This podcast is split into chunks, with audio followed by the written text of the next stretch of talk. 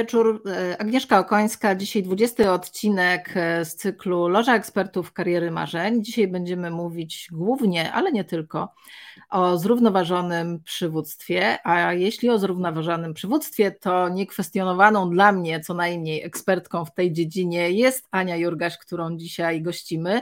Ania, witam Cię serdecznie. Bardzo się cieszę, że przyjęłaś e, moje zaproszenie. E, bardzo Ci za to dziękuję, bo jakby nie było, to prawie koniec tygodnia i 20, więc każdy może mieć e, swoje plany na ten wieczór.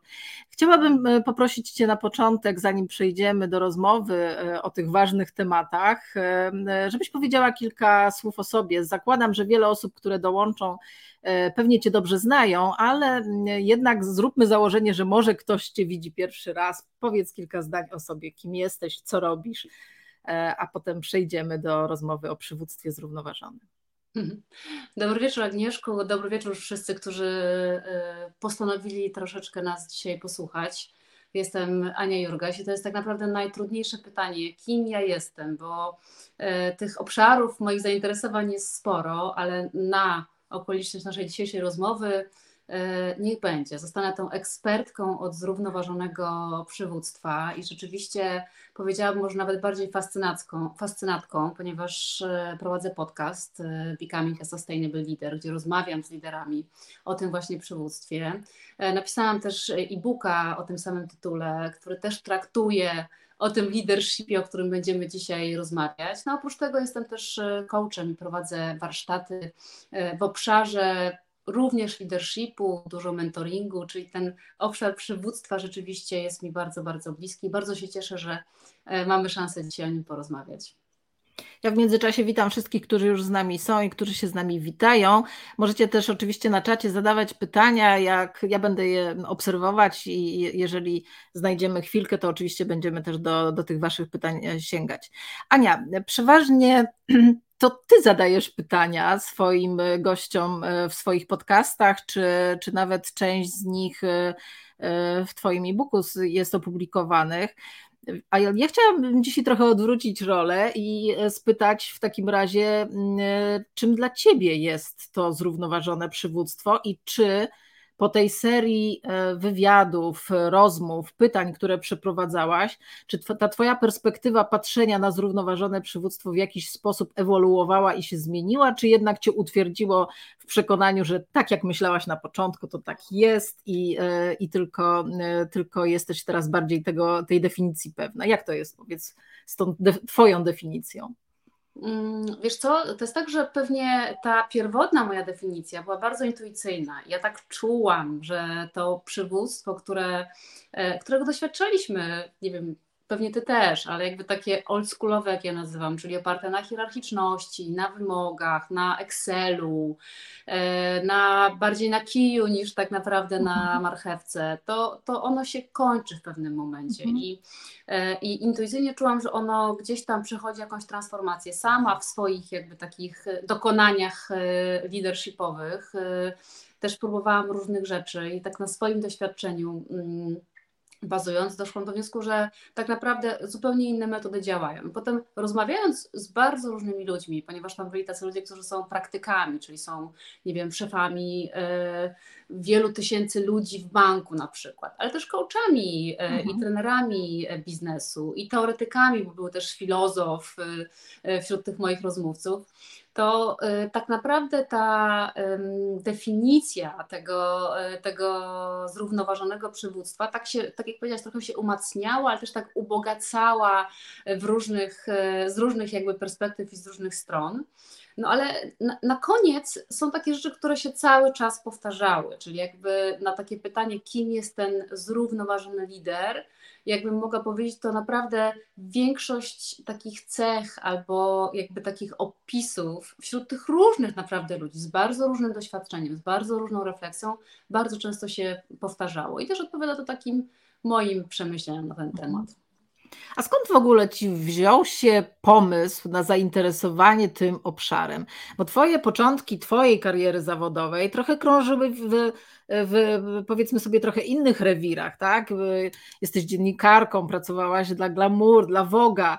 skąd nagle taki trochę twardy temat, przywództwo, leadership, a jeszcze do tego zrównoważony? Skąd w ogóle zainteresowanie wzięło się w Twojej głowie tą tematyką?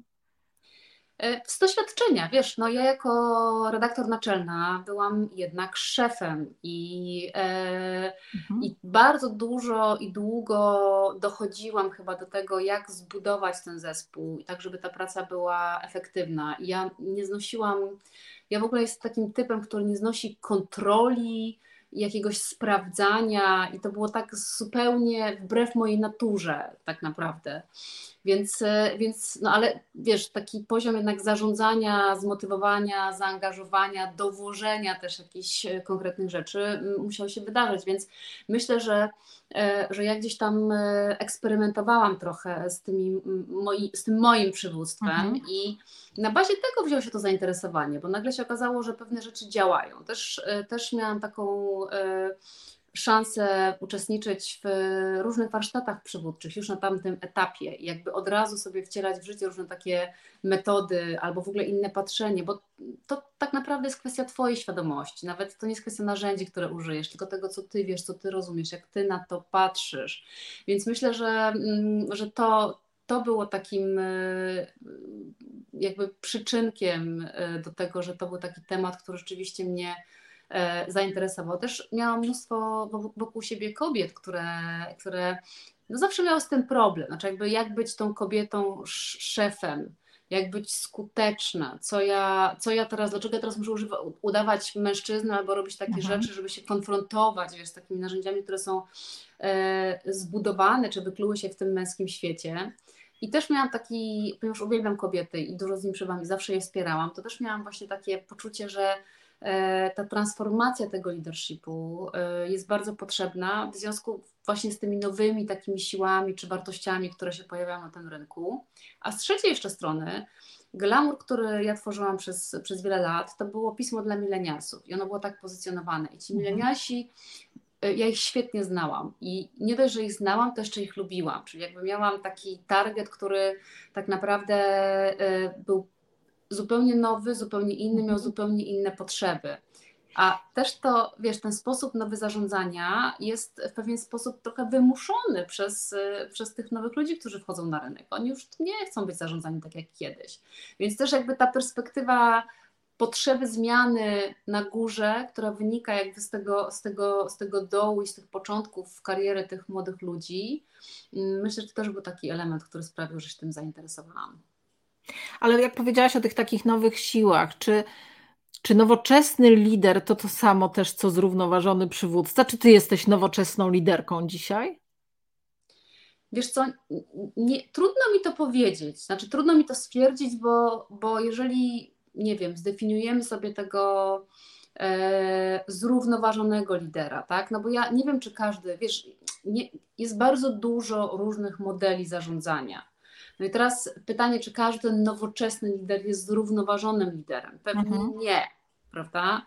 Myślę, że ten zrównoważony lider jest pewnym rodzajem ideału, do którego ci nowocześni, e, współcześni e, liderzy dążą.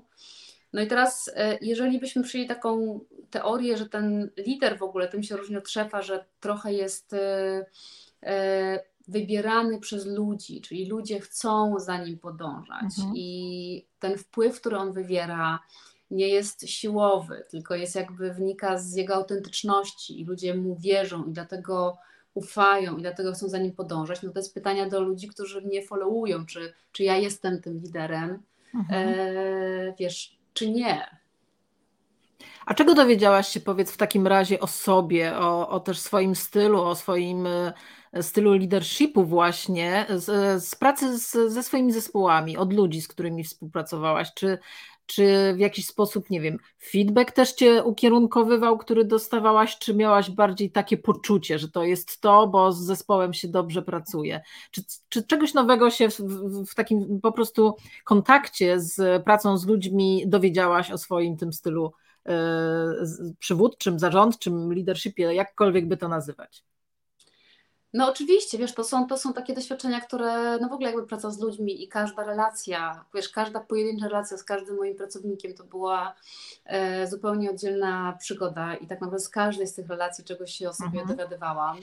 Mm, I to, wiesz co, chyba rzadko na, na poziomie feedbacku takiego, że nagle ktoś mi mówił, że jestem taka czy taka, albo robię coś tak i tak. Raczej, e, raczej myślę, że to była taka ocena w ogóle takiej funkcjonującej wspólnoty, dlatego że mhm. mi zawsze bardzo zależało na tym, w ogóle jakby moim celem e, w konstruowaniu i zarządzaniu teamem było to, że by team działał sam. Czyli, że tak naprawdę jak ja zniknę, to on jest w stanie sam wygenerować wszystkie te jakości, które generuje, jak ja tam jestem i to sprawdzam, nie wiem, e, pokazuję, w którą stronę iść, dokonuję pewnych wyborów.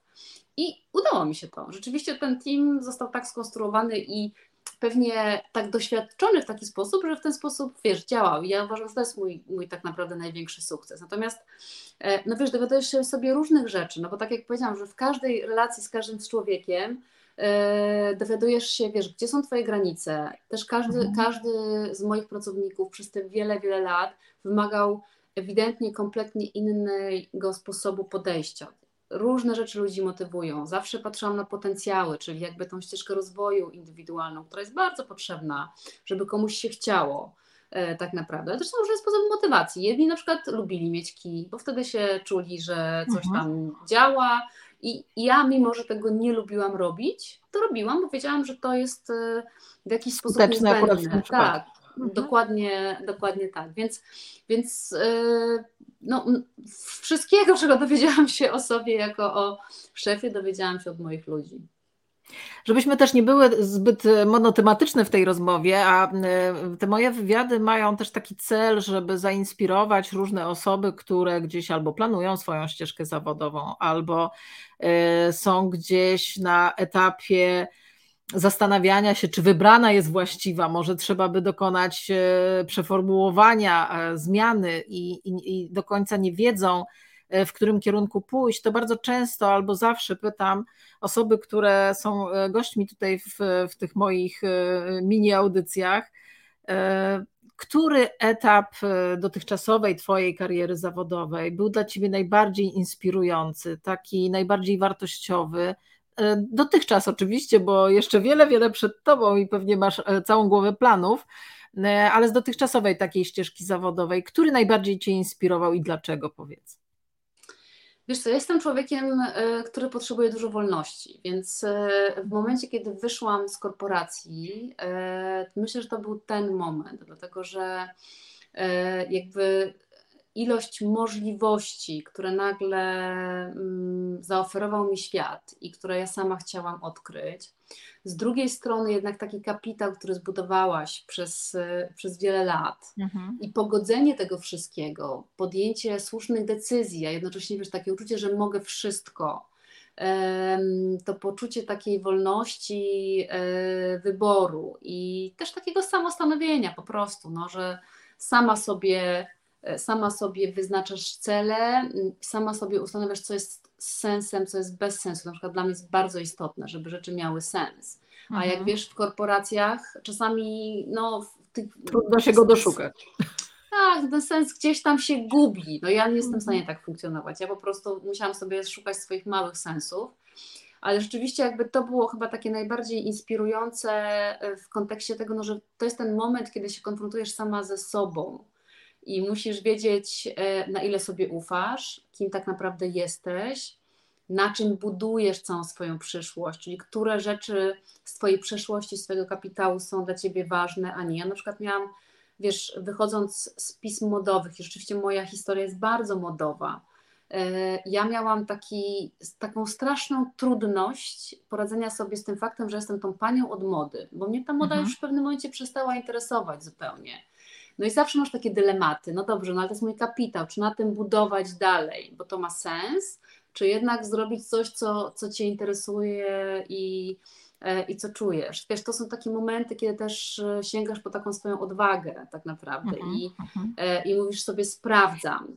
I to fantastyczny czas. Ja uważam, że to jest fantastyczny czas i może nie dla każdego, bo uważam, że też zależy od osobowości, prawda? Jeżeli mhm. natomiast dla ludzi, którzy mają taką y, ogromną potrzebę wolności, myślę, że to jest najbardziej inspirujący moment. Ten moment, kiedy tak naprawdę sama decydujesz i możesz wszystko.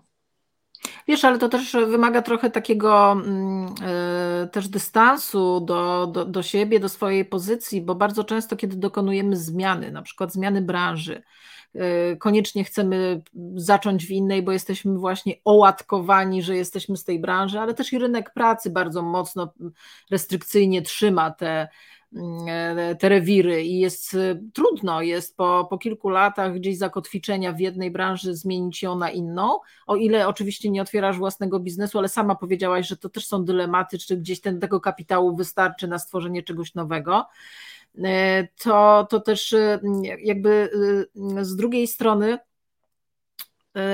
to może być takie własne poczucie, że z eksperta E, z osoby, która wybitnie się na czymś zna, zaczynamy e, schodzić nagle do poziomu specjalisty, który musi się uczyć czegoś od podstaw.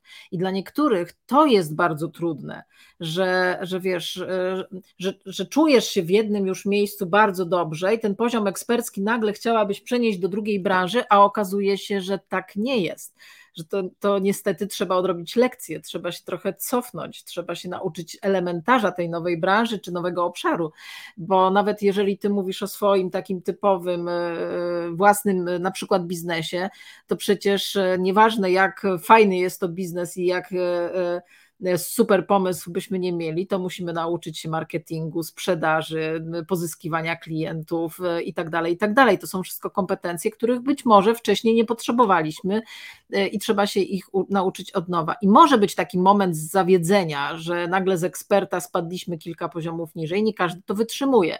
Więc to też jest taki, takiego trochę trzeba mieć właśnie dystansu do do tej e, swojej, e, do tego poziomu bycia ekspertem, że, że, że to nie zawsze jest takie łatwe, żeby to utrzymać w, w, w czymś nowym, co zaczynamy.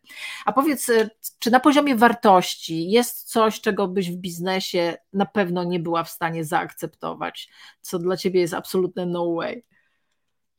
Hmm, pytasz w ogóle, wiesz, no bo jakby to są takie podstawowe rzeczy, tak? Uczciwość, transparentność, humanizm, czyli tak, tak zwana mhm. humanitarność, no to są takie, takie rzeczy, których absolutnie absolutnie nie akceptuję, ale też... No wiesz, ale to dla Ciebie jest oczywiste i nawet y, mówiąc mówisz, no takie oczywiste, ale nie w każdym biznesie i nie dla każdego one są takie oczywiste.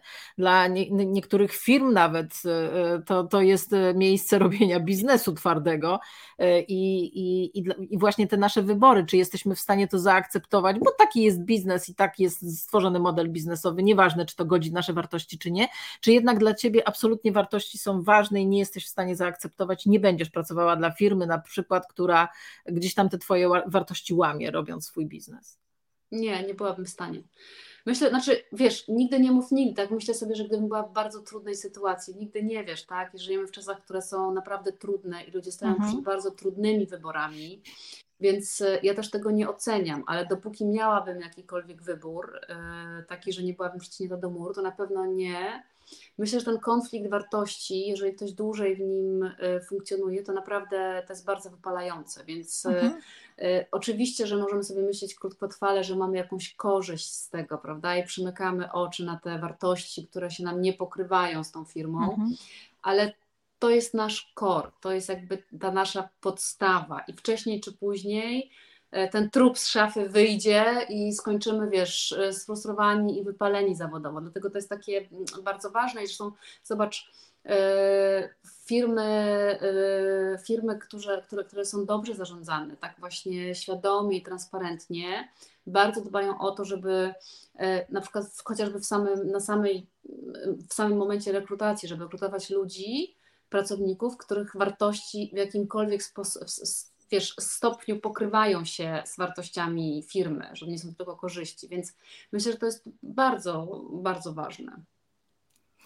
E, a przejdźmy teraz e, trochę do innego wątku, takiej mm, różnorodności. Ona jest w tej chwili bardzo takim topowym, e, powiedzmy sobie, tematem w biznesie. I Powiedz, jak nowoczesny lider, w Twojej ocenie oczywiście, ale też e, w oparciu o Twoje wywiady, które przeprowadzałaś z wieloma mm, e, liderami, czy przywódcami, czy menadżerami, e, jak taki nowoczesny lider powinien sobie radzić z różnorodnością w, w swoim zespole? Ja mówię tu o jakiejkolwiek różnorodności, bo, bo mamy różne rodzaje tej różnorodności i nie każdy sobie z nią potrafi dać, dać radę przede wszystkim ją pokochać i być na nią otwarty, wiesz, bo znaczy w ogóle, wiesz, z tym leadershipem i z tym zarządzaniem jest kilka takich podstawowych zasad. Jeden zasada jest taka, że coś, co działo kiedyś, przestało działać i trzeba się z tym pogodzić, bo jesteśmy ciągle atakowani przez totalną zmianę. Kiedyś tak nie było. Kiedyś, mhm. 10 lat temu, zrobiłaś sobie plan na 3 lata, coś działało rok temu, teraz też będzie działać, wdrażamy, działa. No nie, bo jest COVID, bo jest wojna, bo jest inflacja, bo jest kryzys, bo nagle wszystko się zmieniło, jesteśmy online zamiast na żywo i tak dalej, i mhm. tak dalej. W związku z tym, e, w związku z tym jakby ta otwartość i elastyczność jest totalną jakby podstawą i, to, i, i ona umożliwia to docenienie tej różnorodności. To jest jakby taki, wiesz, taki pierwszy aspekt. Drugi aspekt tego, e, tego zarządzania tu i teraz jest taki, że e, szef już nie musi wszystkiego wiedzieć. Czyli kiedyś znowu było tak, że on ma wszystkie odpowiedzi i wszystkie odpowiedzi e, są, wiesz, są wcielane w życie i mhm. on wszystko wie. No dzisiaj nie. Dzisiaj, dopóki szef sobie nie uświadomi, że może nie wiedzieć tak naprawdę, to wtedy za tym idzie teraz taka myśl, dobra, potrzebuję zespołu, który jest wystarczająco zdywersyfikowany, żeby był w stanie tą odpowiedź razem ze mną wspólnie wygenerować. Więc znowu pojawia się takie docenianie tej różnorodności, a nie wkurzanie, że nie, wiesz, że to nie jest jeden zbiór w mhm. Excelu, który działa jednorodnie i wszystko super działa. No więc dlatego jakby zarządzanie tą różnorodnością się zaczyna znowu od Twojej decyzji, od Twojej jakby świadomości tego, że jesteś na to otwarty i to doceniasz. No a potem, no to już jakby jest kwestia indywidualizacji relacji na, na takim etapie, na jakim możesz. Oczywiście, że jak masz pod sobą 100 ludzi, no to rozumiem, że nie, oni nie raportują do Ciebie bezpośrednio, tylko masz jakichś ludzi, którzy raportują do Ciebie bezpośrednio. Więc jakby dbanie o to, żeby mieć e, indywidualną reakcję i rozumieć tego człowieka z drugiej strony. Tutaj wchodzi nam cała empatia, która jest ważna, oraz grupowanie i tworzenie tej, tej, tej, tego zespołu, który również nie tylko raportuje Tobie, ale współpracuje ze sobą i też z tych różnych perspektyw. No i też wszyscy moi w zasadzie rozmówcy mówią o tym, że rolą szefa w tym momencie jest budowanie poczucia bezpieczeństwa grupy.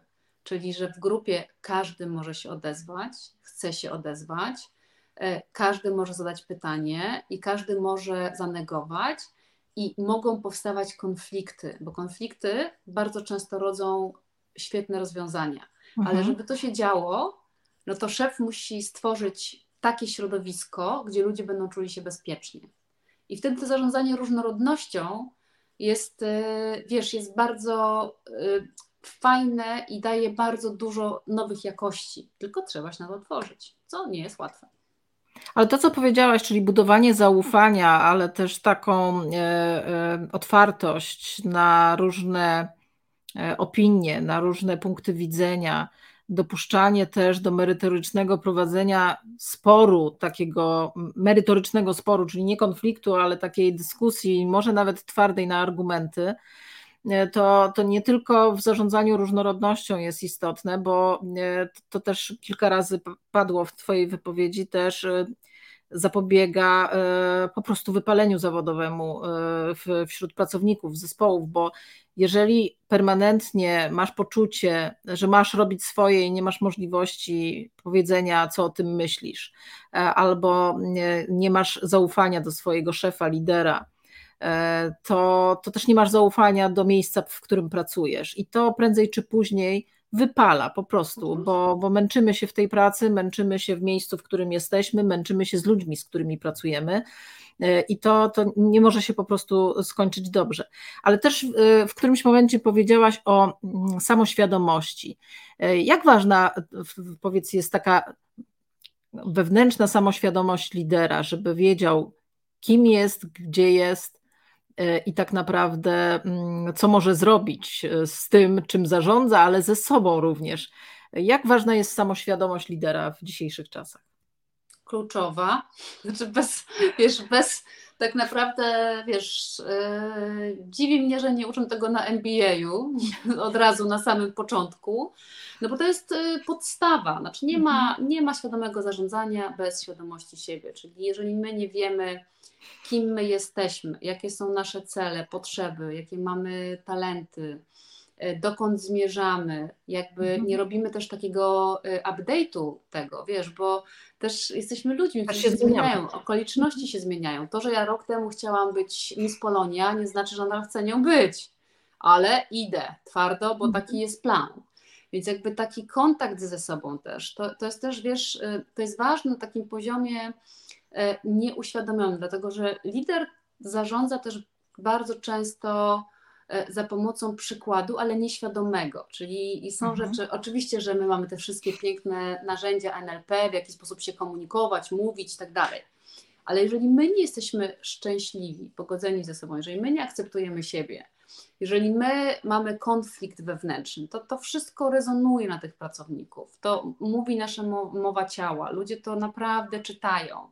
Więc jakby, wiesz, to jest mhm. bardzo odpowiedzialna rola tak naprawdę, no bo to jest taka higiena nie tylko e, Twojej roli, którą masz, tak? Czyli jestem dobrze wychowany, dobrze się zachowuję, daję feedback, robię wszystko super, ale coś nie działa. No nie działa, no bo może Ty po prostu e, masz gdzieś tam frustrację wewnętrzną, która i tak po prostu jest. Więc myślę, mhm. że ta mhm. samoświadomość, taka wiedzenie, gdzie jestem, kim jestem, czy jestem szczęśliwy, wiesz, co ja czuję, to, to są takie rzeczy, które jak mówisz, e, jak mówisz bardzo poważnym panom prezesom, bo panie bardziej to już kumają, ale panowie cały czas gdzieś tam uważają, że to są jakieś, e, jakieś, e, jakieś no, bzdury, no to, to, to, to brzmi rzeczywiście dość abstrakcyjnie, ale to jest kluczowe. Jak się spojrzy na wszystkich przywódców świata, którzy rzeczywiście są charyzmatyczni, są takimi prawdziwymi liderami, którzy wywołują wpływ nie siłą, tylko i nie wizytówką, wiesz, i nie hierarchią, tylko mhm. tym, ludzie za nim podążają, to są ludzie, którzy są zintegrowani sami ze sobą. I ta samoświadomość jest bardzo ważna. Wiesz co, chciałabym jeszcze o jeden wątek spytać Cię. Mm, tak trochę skaczemy po tych tematach, ale to tak celowo, żeby się po prostu nie tylko sfokusować na tym zrównoważonym przywództwie, ale cały czas wszystko wokół. Mm, teraz w czasach pracy hybrydowej, większego home office'u, wiele firm rezygnuje z gabinetów, nawet dla prezesów, menadżerów E, na rzecz takich po prostu e, powiedzmy sobie hot desków. E, ty w swoim e-booku napisałaś, jak ciebie doświadczyła rezygnacja z gabinetu i co to ci dało. Jakbyś mogła opowiedzieć krótko tą historię, bo ona jest bardzo ciekawa i pokazuje, jak dużo, dużo wcześniej, zanim to stało się modne, też można było wynieść z tego ciekawe doświadczenie menedżerskie. Co, no, mm, tak jak pisałam, to, to była jedna z takich chyba najważniejszych rzeczy, która, e, która tak zewnętrznie wpłynęła na, na mój sposób zarządzania.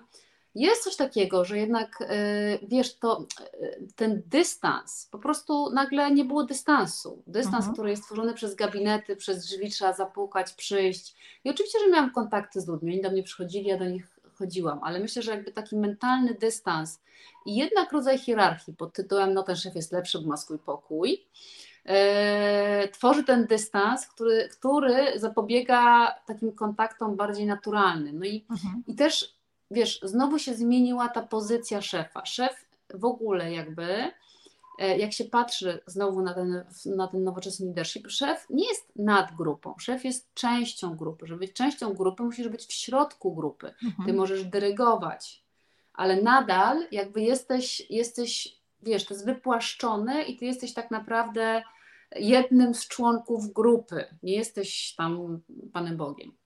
No i, e, i trochę ta sytuacja, która się wydarzyła, czyli że ja usiadłam na Open Space z moim teamem, sprawiła to, że ja, wiesz, zaczęłam y, być częścią tej mikrospołeczności, bo to jest społeczność, wiesz, mhm. wiesz, kto przychodzi, kto ma ci dobry humor, kto nie, kto kiedy chodzi na obiad, y, kto sobie żartuje, kto coś tam, kto gra w Tetris, jak mu się nudzi. Jakby widzisz to wszystko i jesteś częścią tego. Oni też widzą ciebie. No bo nie możesz udawać wiecznie, e, wiesz, bycia tylko szefem, tylko zaczynasz być człowiekiem. I myślę, że że dla mnie to było takie bardzo ważne, że właśnie zburzenie tych szklanych ścian tak naprawdę i zastąpienie ich taką naturalną y, bliskością, po prostu wręcz fizyczną, y, no zupełnie zmieniło, myślę, i moje postrzeganie, i też teamu, postrzeganie mnie. Mhm. Bardzo często w swoich też wywiadach pytasz swoich rozmówców o definicję bycia liderem. Ja Cię pytałam już o Twoją definicję, ale powiedz, czy z tego doświadczenia prowadzenia tych wywiadów z osobami, które pełnią takie funkcje, są liderami, menadżerami, czy któraś z tych definicji, którą e, usłyszałaś, w jakiś sposób Cię zaskoczyła albo, a, albo na tyle była charakterystyczna, że utkwiła Ci w pamięci i, i gdzieś tam została z Tobą? Wiesz co, tak jak mówiłam, te, mm, te definicje, jakbyś wrzuciła wszystkie te cechy albo takie wnioski, które, czy refleksje, które tam się pojawiły, wrzuciła do jednego, e, do jednego worka, to ten, to, ten, to ten zbiór wspólny byłby bardzo charakterystyczny i pewnie on tak naprawdę wyłowiłby mhm. tego lidera. Natomiast ja chyba jestem największą fanką e, w sumie, e, jeżeli miałam wybrać jeden, fanką tej teorii leadershipu adaptacyjnego, która mówi o tym, że tak naprawdę wiesz, liderem się bywa, a nie jest. Czyli nie jesteś w stanie być liderem cały czas. I liderem jest taki człowiek, e, i jakby nie jesteś przywódcą, tylko podejmujesz się aktów przywódczych w swoim mhm. życiu. I te akty przywódcy są takim momentem, kiedy ty bierzesz odpowiedzialność i mobilizujesz grupę do tego, żeby się skonfrontowała z jakimś problemem i wspólnie rozwiązujecie ten problem. No i teraz to daje y, dla mnie taką wspaniałą, w ogóle szeroką gamę możliwości, no bo liderem też jest mama, która ogarnia trójkę dzieci. Liderem mhm. jest przedszkolak, który tam, nie wiem, nie pozwala drugiemu przedszkolakowi walić łopatką po głowie trzeciego przedszkolaka. E, I to, i to też jakby od, od, od, odsuwa nas od tej roli takiej, że masz rolę szefa i ona gdzieś tam, wiesz, jest taka, taka i taka. Mhm. Tylko wraca do tego człowieczeństwa, że ten lider jest tak naprawdę człowiekiem, który bierze odpowiedzialność, ma odwagę wziąć odpowiedzialność. Teraz, jak sobie spojrzysz na całe swoje życie e, i na różnych ludzi w Twoim życiu, i prywatnie, wiesz, i, e, i zawodowo, no to tak naprawdę od razu się widzi tych ludzi, którzy tak naprawdę gromadzą tą grupę, żeby coś razem stworzyć, albo stają, wiesz, stają na czele, żeby mhm. się skonfrontować z jakimś problemem, bo mobilizują, ludzie za tym idą. I to są liderzy. To są po prostu naturalni, organiczni liderzy i bardzo często ci, którzy siedzą w tych wielkich gabinetach z tymi wspaniałymi wizytówkami i mają mnóstwo władzy, w ogóle nie mają, wiesz, nie biorą tej odpowiedzialności. Wcale mhm. nie są takimi prawdziwymi z krwi i kości przywódcami. Ale powiedz, czy e, w związku z tym teraz są lepsze czasy, bo są trudne na ujawnianie się takiego naturalnego leadershipu? Czy, e, czy to są trudniejsze czasy właśnie dla tych, którzy tych umiejętności nie mają, ale są szefami po prostu?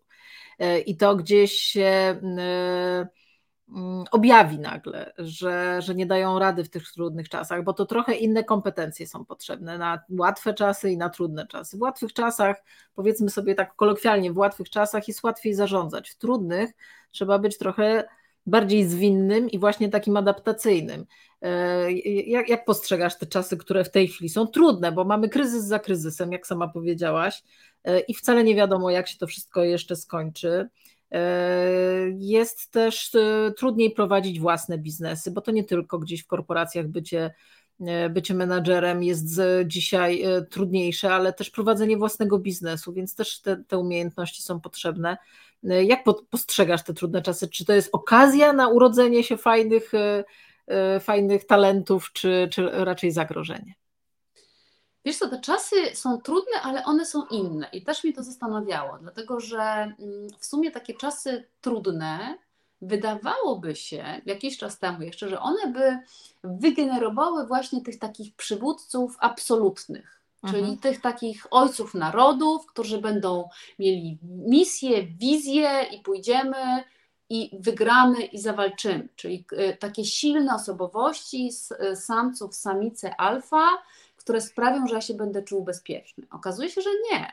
I to jest bardzo ciekawe, że mhm. te trudne czasy, które mamy w tej chwili, wygenerowały zupełnie inną potrzebę. I to, co mówisz o tej adaptacyjności i zwinności, to właśnie są te cechy tych liderów, którzy dają radę, czy to resilience, czyli to takie mhm. utrzymanie mhm. się gdzieś tam na, na powierzchni, taka odporność, nie wcale ta siła, typu ja tutaj zbiorę zespół i wygramy Czyli nie ta konfrontacyjna umiejętność, wiesz, nie ta siła, władza, która sprawi, że ja mhm. z kimś wygram. Czyli w ogóle to już nie jest wartość wojny. Czyli to jest wartość przetrwania. To jest zupełnie inna umiejętność. myślę, że te kryzysy, które teraz następują, Y, generują taką potrzebę cech, które sprawią, że przetrwamy. No jakie są te cechy? No wiadomo, że jest to znowu, tak jak, tak jak powiedziałaś, ta zwinność, adaptacyjność, czyli że ja jestem na tyle elastyczny, mam taką wiedzę i takie umiejętności, że jestem w stanie się przystosować do sytuacji. E, umiejętność funkcjonowania we wspólnocie. My nie potrzebujemy despotów, wiesz, mhm. żeby im mhm. zaufać i że oni nas po prostu pociągną. My potrzebujemy communities, społecz społeczności, które wspólnie, tak jak od zawsze, wiesz, od plemion tak naprawdę, no tak powstał y, ród człowieczy, y, dadzą sobie wspólnie radę, bo każdy będzie miał jakieś tam, jakieś tam y, kompetencje, które które dołoży się do tego, żeby znowu przetrwać, tak? bo potrzebujesz bardzo dużej różnorodności, żeby przetrwać. Jak wiesz, jak, jak wymyślają są seriale na Netflixie i wymyślają, e, kto poleci w kosmos, no to co, musisz mieć lekarza, inżyniera, kogoś tam, kogoś tam, kogoś tam, tak, z bardzo różnymi kompetencjami, po to, żeby na koniec po prostu dać sobie radę, więc jakby to jest potrzebne e, też bardzo. E, wiesz co, też ta taka odwaga konfrontowania się ze zmianą i nie lękanie, czyli taka otwartość na zmianę, ale też, e, też wiesz co, kreatywność. To mhm. jest w ogóle jakby te, te, te, czasy wymagają innowacyjności, czyli jakby to nie jest tak, że e, wdrażasz rozwiązania, które już wiemy, jakie były i one zadziałają. No nie, potrzebujemy kompletnie nowych rozwiązań. Żeby znaleźć nowe rozwiązania, potrzebujesz mieć otwartą głowę i umieć myśleć e, kreatywnie więc, więc rzeczywiście jest tak, że ten, ten nowy, mm, te czasy no, bardzo mocno wytresowały ten nowy sposób zarządzania i też wydaje mi się, że one wygenerowały zupełnie inny rodzaj tych liderów, którzy gdzieś tam przetrwali albo przetrwają, albo przeprowadzą tą firmę przez przetrwanie. E, I trochę rzeczywiście ci, którzy działali tylko na zasadzie swojego ego, siły, i takiego przekonania, że dadzą radę, inni za nim pójdą, no myślę, że już nie, nie, nie są tacy przekonywujący. Mhm. A co z empatią powiedz, bo wszyscy teraz e, rzucają się słowem empatia, że właśnie w tych trudnych czasach, kiedy każdy z nas no, ma na pewno jakieś trudności w realizowaniu czegoś w swoim życiu, nie ma tak, że idzie wszystko płynnie i gładko, są, e, są jakieś kryzysy, nasze mniejsze, prywatne, domowe, zawodowe, jakiekolwiek, e, to ten nowoczesny lider, aktualnie potrzebny, musi też być uważny, wrażliwy, empatyczny, musi po prostu dostrzegać, co tam po drugiej stronie w tym jego zespole się dzieje. Oczywiście ten kontakt, o którym mówiłaś, bycie częścią tego zespołu, bardzo to ułatwia, ale nawet jeżeli ktoś, kto nie ma tej, y, tych predyspozycji albo takiej umiejętności, właśnie takiego empatycznego podejścia do swojego zespołu, do ludzi, z którymi pracuje, i nawet jak będzie siedział na tym open space, to też nic nie dostrzeże.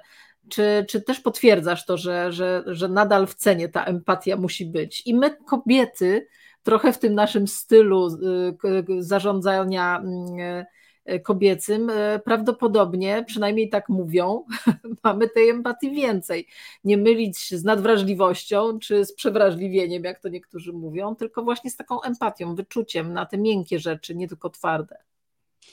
Wiesz co, no my jesteśmy jako kobiety wyposażone w tą empatię po prostu ewolucyjnie, tak? No bo mhm. kobiety musiały tworzyć relacje po to, żeby gdzieś tam bez tej siły fizycznej dogadać się z innymi kobietami, żeby przetrwać. I jakby mamy w naturalny sposób pewnie e, tą umiejętność rozumienia innych, e, rozumienia ich uczuć e, i jakby komunikacji dzięki temu większej, albo w ogóle tworzenia pewnej rodzaju więzi, no bo jakby jak rozumiesz czyjeś uczucia, to jesteś w stanie stworzyć tak naprawdę więź, e, więc pewnie mamy Oczywiście statystycznie, tak, no bo nie, nie każda kobieta jest taka sama e, mhm. Mhm. Natomiast no, empatia jest absolutnie niezbędna. Mnie to strasznie bawi, jak to właśnie teraz y, rozmawiam z różnymi coachami, trenerami biznesu i oni mówią, że przychodzą do nich ci panowie, czy tam panie też czasami, wiesz, z, z, z ogromnymi pozycjami i oni mówią teraz, ty mnie naucz empatii. Więc, bo to teraz ja potrzebuję tej empatii, żeby tutaj rozumieć tych ludzi swoim dosie e, trzeba pisać. Tak, no trochę, trochę, trochę, trochę tak jest, wiesz. E, natomiast, natomiast wiesz, e, empatia jest potrzebna, żeby tworzyć więź i żeby rozumieć innych. I teraz znowu, tak jak mówiliśmy o tych młodych ludziach, o tym sposobie zarządzania, nie ma możliwości zarządzania innymi, jak się ich nie rozumie albo się nie chce ich rozumieć. Mhm. Jeżeli traktuje się ich jako pionek, który ci dowiezie efekt. No nie ma takiej opcji to nie jest, y, wiesz, to nie jest jakby punkt w Excelu i ludzie oczekują czegoś innego. I to jest trudne, no bo to wymaga od nas y, rodzaju zaangażowania, od nas liderów, żeby, żeby się na to przestawić. Natomiast co ciekawe, y, i myślę, że to jest jakby też taka droga, że jeżeli ty nie rozumiesz siebie i nie masz kontaktu ze swoimi emocjami, Czyli tak naprawdę w ogóle nie pytasz się, jak się czujesz, bo nie wiesz, bo to nie jest istotne. Pytasz, wiesz, ile dowiozłeś dzisiaj, albo czy odniosłeś sukces i czy wszyscy to zauważyli. Ale tak naprawdę nie rozumiesz siebie i nie masz kontaktu z własnymi emocjami, nie nazywasz tych emocji, to nie ma opcji, żeby zrozumieć emocje innych. Czyli nie da się nauczyć empatii, e, wiesz, tak narzędziowo. To trzeba mhm. pogrzebać po prostu w sobie i to jest grubsza robota, która oczywiście wyjdzie każdemu na dobre, ale, ale nie jest to takie no nie jest to, wiesz, nauka zarządzania czasem, tak, że masz trzy sposoby na to, mm, stosujesz i działa. Jest tam więcej, więcej rzeczy do przepracowania. A powiedz, a co z zarządzaniem w takim razie emocjami? Bo to też jest taki obszar, którego trudno się nauczyć, a coraz więcej odgrywa, coraz większą rolę odgrywa zarządzanie emocjami, też zarządzanie energią. To też jest takie, takie mm, e, nowe, fajne, moim zdaniem, zjawisko, które coraz częściej próbujemy w swoich firmach, w swoich zespołach e, odkrywać i wykorzystywać. E, czy, czy, czy Twoim zdaniem to też e, jest e, coś takiego jak właśnie empatia, że trudno się tego nauczyć, jak tego się nie ma w sobie, jak nie jest się osobą, która czuje te emocje, rozumie, potrafi je nazwać? Dokładnie tak. Znaczy, jakby jeżeli znowu samoświadomość, zaczynamy od siebie, każdy lider powinien. Więc jeżeli, jeżeli ja nie znam swoich emocji, to nie jestem w stanie rozumieć innych emocji, w związku z tym nie jestem w stanie zarządzać innymi emocjami. Mhm. Bo jeżeli ja nie wiem, kto ten człowiek, co, co ten człowiek czuje, to ja nie wiem, czy ja mam mu pomóc, czy ja mam go wesprzeć, czy ja mam go zdyscyplinować. Znaczy nie wiem, jaka jest jego potrzeba tak naprawdę, y, a tak jak mówiliśmy, to zarządzanie jest zindywidualizowane, w związku z czym my musimy rozumieć, co druga strona czuje, po to, żeby, po to, żeby móc tym na to mieć jakikolwiek wpływ, albo w ogóle, żeby zbudować relacje, no bo też to zarządzanie emocjami polega po prostu na budowaniu więzi i relacji. No I teraz jak, jak wiesz, dynam, dynamika relacji się układa, tak układa się trochę te stosunki w pracy bo zarządzanie energią to jest jeszcze coś innego. To mhm. jest jakby, to jest na poziomie bardziej, powiedziałabym, tego, y, wiesz, tego też zaangażowania, w którym też mhm. tak się strasznie dużo mówi, że ludzie są po prostu niezaangażowani, że im się nie chce, szczególnie ci z mojego pokolenia, że oni olewają, w ogóle wychodzą o 17, a tutaj przecież mamy fantastyczny projekt i, i, i kto go będzie robił.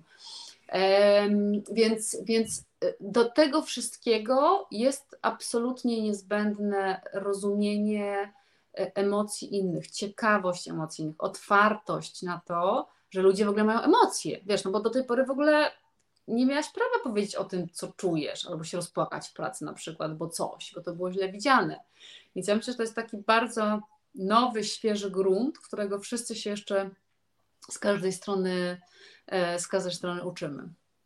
Ale wiesz, jakby to wszystko, co dotychczas powiedziałaś, zebrać w taki duży zbiór, E, lub zamknąć nawiasem, to trochę taki powstaje obraz e, lidera coacha po prostu na co dzień, który ma te kompetencje miękkie, potrafi rozpoznawać siebie, swoje emocje, swoje potrzeby, potrafi też to dostrzegać w zespole i jeszcze potrafi tym zarządzić albo pokierować tym. ale tak zupełnie mm, skrajnie powiem, są tacy, którzy mówią przestańmy się cackać z tymi ludźmi, róbmy robotę. I, I, co z takimi zrobić? Bo, bo wiesz, my trochę wychowujemy tych swoich e, e, pracowników dzisiaj, nawet takimi rozmowami jak nasza, że, że te rzeczy są ważne, że ta uważność jest ważna, że te emocje są ważne, że lider powinien wyglądać tak, a nie inaczej. A potem ten człowiek naładowany tą informacją idzie do firmy, gdzie ma szefa bądź szefową, wszystko jedno e, bo, bo tu absolutnie nie można generalizować i styka się ze ścianą, w której, w której dostaje komunikat, to nie przedszkole, to praca, tutaj się pracuje i, i, i tyle, i, i dowozi właśnie te, te wszystkie targety.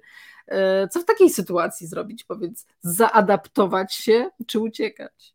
Wiesz co, no to zależy, no bo ja myślę, że to jest tak, że to rynek i tak zweryfikuje, więc, e, mhm. więc wydaje mi się, że ja bardzo E, wierzę w te wzetki w milenialsów, że oni po prostu to zweryfikują, bo oni nie chcą pracować dla takich szefów. Znaczy ich to nie interesuje. Oni muszą mieć e, swoją własną korzyść, oni muszą realizować swój potencjał, muszą się rozwijać. Jakby jeżeli szef im tego nie dowiezie, no to po prostu e, no będzie, wiesz, great resignation i będą pasać owce w Bieszczadach i będą równie szczęśliwi. Więc jakby nie będzie kim pracować. Więc ja myślę, że z jednej mhm. strony to tak naprawdę mm, na pewno zweryfikuje e, rynek, ale my też rozmawiamy o takiej sytuacji idealnej i też umówmy się, że to jest jakby część tego zarządzania. Z drugiej strony są tabelki, KPI, -e, wizja, misja, strategia i to też trzeba mhm. dowieść. I teraz nie chodzi o to, że teraz ja będę rozkminiać każdego z moich pracowników i się zastanawiać jakby jak to, jak tutaj zrobić, żeby on się mhm. czuł dobrze i budować jego dobrostan, bo to jest tylko część naszej roboty. Dokładnie. Ale rolą szefa jest też zarządzanie i przy, jakby realizowanie konkretnych celów. I do tego też jest potrzebne myślenie strategiczne, wizjonerstwo, E, e, więc jakby ta, wiesz, tam jest, to jest taki miks. To nie jest tak, że, że to jest nagle przedszkole i teraz wszyscy mhm. będą, wiesz, przekierować swoje, 100% swojej uwagi na to. To jest raczej taki model, myślę, że to jest taka dodatkowa robota, czyli coś, co masz, czyli ty masz jakby, praca jest pracą, to nie jest przedszkole. Oczywiście, że tak. Mhm. Tylko jak sprawić, żebyśmy się, żebyśmy się szanowali, żeby y, ludzie lubili pracować, żeby byli gdzieś tam w to zaangażowani. I to jest ta praca do wykonania tak naprawdę. Ja nie muszę nikogo coachy, coachować ani terapeutyzować. No bo na koniec moim interesie jest to, żeby ten człowiek czuł się spełniony, zadowolony, e, szczęśliwy i żeby sam chciał e, być częścią, wiesz, dowożenia tego celu. Więc trzeba też o tym tak myśleć. Mhm. Powiedz Ania, teraz tak e, bardziej prywatnie Cię spytam. E, obserwuję, wiem więc, że e, ostatnio mm, skończyłaś studia podyplomowe. Opowiedz trochę o nich, bo ja też jestem taką zwolenniczką takiego no tak to nazwę, ustawicznego uczenia się, czyli cały czas gdzieś rozwijania swoich kompetencji, e, też pracy nad swoim mózgiem, żeby on się sam z siebie po prostu nie zestarzał i żeby, żeby też e, cały czas przyswajać nowe rzeczy, które gdzieś tam e, można zdobywać. Powiedz, co to były za studia i czy, czy, czy, czy były dla Ciebie wartościowe i dlaczego?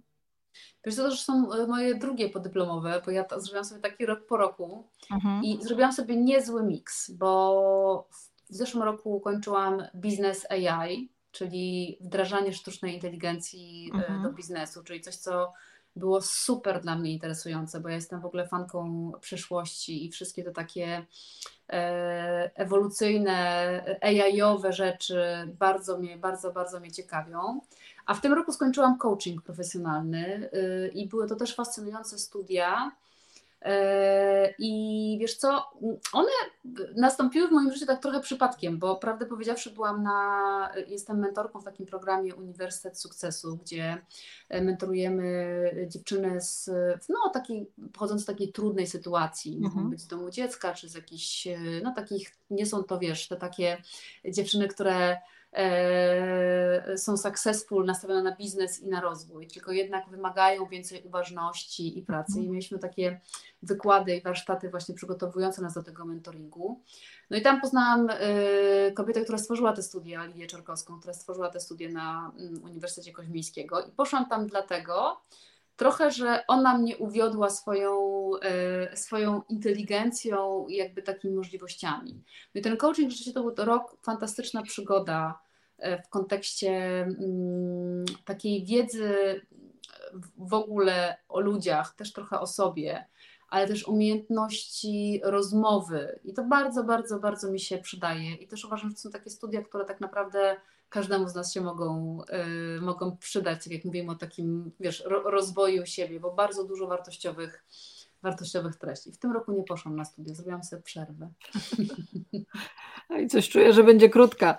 E, ale e, też e, widziałam, że ostatnio startujesz też ze swoim takim autorskim kursem, też ukierunkowanym na przywództwo, na leadership. O czym on jest, powiedz, i czy to, czy to jest jeszcze na fali uniesienia po tych studiach, które zrobiłaś? Wiesz co, ja robię dużo mentoringów i konsultacji indywidualnych, mhm. yy, tak naprawdę, i one są mm, bardzo różne, ale bardzo często one są zawodowe. Yy, w związku z tym rzeczywiście stworzyłam taki program, który się nazywa Twój wewnętrzny y, lider, czyli taka praca nad takimi Twoimi potencjałami przywódczymi. Yy, I zrobiłam to w formie warsztatów coachingowych, dlatego że mhm też z moich takich różnych doświadczeń wydaje mi się, że dynamika grupy w tego typu rzeczach jest bardzo ważna i ludzie naprawdę rezonują i przyglądają się w sobie. I tam jakby i też chciałam znowu jakby na bazie tego, co ja wiem o tym leadershipie, jak bardzo on się zmienia.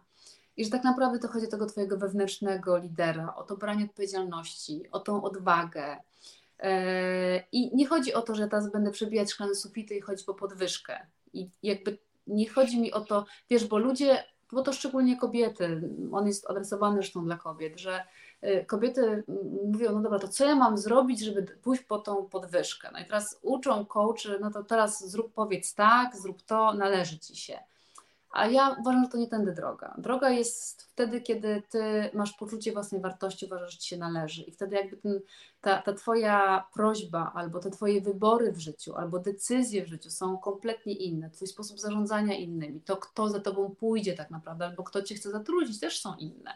I trochę o tym są te, mm, te warsztaty właśnie, o tym takim budowaniu tego wewnętrznego leadershipu, tej siły, która ma wpływ na innych, która pociąga E, za sobą innych i wdraża zmianę, co wydaje mi się, mhm. że w dzisiejszych czasach jest e, super ważne. Ale taka anegdota e, a propos pójścia po podwyżkę w książce Miki Brzeziński Znaj swoją wartość, ona opisuje jak trzykrotnie szła po podwyżkę dla siebie najpierw e, e, użalała się nad tym, że nie stać ją na życie i że brakuje jej na e, garsonkę, żeby dobrze wyglądać, prowadząc program telewizyjny i po prostu użalała się, użalała się, no i oczywiście odeszła z kwitkiem. Drugi raz poszła naśladując swojego kolegę, który był arogancki, taki walczący i stwierdziła, no to jak on tak potrafi, to ja też go będę naśladować, po prostu taki męski styl przyjmę i na pewno tą podwyżkę dostanę, nawet jeszcze swojego szefa gdzieś tam tam e, w bark e, strzeliła na do widzenia i oczywiście podwyżki też nie dostała. I dopiero trzeci raz jak poszła, kiedy naprawdę uświadomiła sobie, jaką e, ma wartość, to co o czym powiedziałaś przed chwilą, i potrafiła o tym mówić, bo jeszcze mieć świadomość, jaką się ma wartość, ale jeszcze potrafić o tym też głośno powiedzieć w sposób taki, żeby to było wiarygodne i przekonywujące, to też są dwie różne sprawy. I dopiero ta, ta, ta, trzecia próba, e, jak to się mówi, do trzech razy sztuka u niej to się sprawdziło, dopiero ta trzecia próba rzeczywiście, rzeczywiście nie tylko dała jej podwyżkę, ale po, pozwoliła być zauważoną na tyle, że nawet dostała jakiś tam lepszy czas antenowy czy lepszy program. Więc zgadzam się z Tobą w 100%, że to nie tędy droga, to jakby nie trzeba uczyć metod, tylko trzeba najpierw zbudować tą wartość w sobie, a potem to samo przychodzi po prostu. E, czas nam się powoli kończy, a nie chciałabym tak na twardo e, zawodowo zakończyć. Chciałabym trochę jakimś takim wątkiem e, z pogranicza work-life balance, bo jesteś zapracowaną osobą, jak wiele z nas, ale powiedz, jak ci się udaje wygospodarować czas na to życie prywatne, na przyjemności, na, na, wiem, że jeździsz konno, y, zwiedzasz galerię, więc no to, to też czasu potrzeba na to wszystko. Powiedz, jak wygospodarować, jak sobie twarde granice postawić. Ja osobiście mam z tym duży problem, żeby sobie te granice stawiać e, pomiędzy takim e, życiem i przyjemnościami, a życiem zawodowym i, i, i bardzo bym chciała się po prostu inspirować od każdego, żeby gdzieś się zarazić, więc mam nadzieję, że mnie zarazisz, Ania. Wiesz co, no ja po prostu szanuję się i uważam, że, Dobry argument. że, że mi się należy, znaczy, że należy mi się odpoczynek i należą mi się przyjemności, po prostu. Ja bardzo skrupulatnie planuję wakacje, ponieważ ja też jakby ta intensywność rzeczywiście tych rzeczy, które robię, e, wymaga ode mnie to, że ja po prostu w pewnym momencie muszę się odciąć, a jestem już na tyle dorosła i dojrzała, że wiem, że to jest po prostu dla mnie zdrowie i ja mhm. muszę o to dbać. Więc też myślę, że wiesz co, mm, jak sobie porównuję, y, wiesz, mój czas pracy na przykład w korporacji i mój czas pracy teraz, w sensie jakości pracy i tego, ile czasu spędzam robiąc rzeczy dla siebie, a ile czasu kiedyś spędzałam, to wydaje mi się, że to wszystko jest na jakimś takim, że teraz jest na innej jakości energii. No i teraz mhm. trzeba by się zastanowić. Ja byłam kiedyś, wiesz, mimo że kochałam moją pracę, naprawdę, uwielbiałam to robić, uwielbiałam być z tymi ludźmi, uwielbiałam to tworzyć i tak dalej, ale ja byłam wycieńczona. I myślę, że to jest, y, że dla mnie to była kwestia też tej wolności, że jakby ja jestem w jakichś ramach, że ja coś muszę, że ja muszę jakby siedzieć od którejś do którejś mimo że ja nie miałam aż takiej siedzącej pracy, ale nadal jakby czułam rodzaj takiej presji zewnętrznej. E, I myślę, że wtedy nie miałam tego work-life balance, że gdzieś tam to mnie tak, tak eksploatowało energetycznie. I też myślę, że znowu to jest ten drugi, e, drugi element taki, który warto, na który warto zwrócić uwagę, no to to rzeczywiście, że, e, że ja teraz robię tylko rzeczy, które uważam, że mają sens dla mnie i w ogóle, tak, w sensie, że, że, że, że, że są mądre albo że są mhm. wartościowe. Jak pracujesz w korporacji, chcąc, nie chcąc, robisz część rzeczy, które są totalną głupotą dla ciebie. No dla mnie były, naprawdę. Wiele było takich rzeczy, które musiałam robić, a były bez sensu. I to mnie frustrowało i myślę, że to też mi zjadało, wiesz, dużo takiej energii, która gdzieś tam była bez sensu. Więc jak pytasz mnie teraz, jak to wygląda, no to rzeczywiście jest taki rodzaj, że ja, ja robię tylko to, co uważam, że ma sens. E, albo prowadzi mnie w jakąś drogę, albo jest rodzajem inwestycji, która wiem, że nawet jeżeli ja wyłożę z siebie energię, czas, e, zaangażowanie, to to mi się gdzieś tam przyda i ja dostaję mhm. automatyczną nagrodę, czyli jakby to nie jest takie eksploatujące. Ale z drugiej strony też bardzo dbam o to, bo wiesz, to jest ten, ten mówisz o tej równowadze. Dla mnie to jest to, że ja jestem bardzo dużo w mojej głowie. Ja bardzo dużo kombinuję, wymyślam. Naprawdę tam jest cały czas jakiś proces myślowy, to dużo ludzi to ma, wiesz, cały czas jest, wiesz, w wannie najlepsze pomysły, cały czas jakby, o, jak się odpala rano, to, to, to szare komórki, to wiesz, to nieustająco w wielu obszarach, na różnych poziomach linkują różne rzeczy i tworzą wartości. Uwielbiam mój mózg i uwielbiam ten stan ale wiem już i to też jakby z czasem przychodzi ta świadomość, że trzeba być też w swoim ciele. I stąd są też te wszystkie sporty, że to, że ja pływam na surfingu, to, że ja y, jeżdżę konno, to, że ja gram w tenisa, że robię różne rzeczy, y, to mi daje takie poczucie uziemienia. I to, że ja jestem odcięta od ciała i że to, to mi daje tą równowagę, że ja po prostu są, jest dużo tych momentów dla równowagi, w których ja jestem ewidentnie w swoim ciele, a nie w swojej głowie. I myślę, że to jest taki. Yy, I to sprawia, że ta energia się nie wyczerpuje, wiesz, tylko że jakby tam jest cały czas taki zrównoważony przepływ yy, tej konsumpcji z, z, tym, z tym napływem tych nowych sił. No i tak fajnie klamrą zamknęłaś, że to jest taki zrównoważony, nowoczesny lider, który też potrafi zrównoważyć to, co w głowie i to, co w ciele, żeby też mieć e, siłę na, na to, co się tam e, w tych naszych zwojach mózgowych po prostu dzieje na co dzień. Ania, bardzo, bardzo serdecznie Ci dziękuję. Bardzo inspirująca rozmowa dla mnie, co najmniej, więc myślę, że, że podobnie odbierają to na nasi słuchacze oglądający nas. Też bardzo dziękuję, że z nami byliście o tak, no w sumie już późnej porze, zaczyna się już robić ciemno, więc e, to, co będzie za tydzień, jeszcze nie wiem. E, to, to też powstaje w mojej głowie gdzieś w okolicach weekendu, więc nie jestem w stanie powiedzieć, co będzie za tydzień, ale wiem na pewno, że dziś bardzo, bardzo serdecznie Ci dziękuję, Ania, że poświęciłaś nam czas, podzieliłaś się swoją mądrością, swoim doświadczeniem. Serdecznie Ci za to dziękuję. Ja bardzo dziękuję za zaproszenie i za wysłuchanie tych moich refleksji tutaj na temat życia i okolic. Dziękuję i do zobaczenia następnym razem. Do, do zobaczenia. zobaczenia.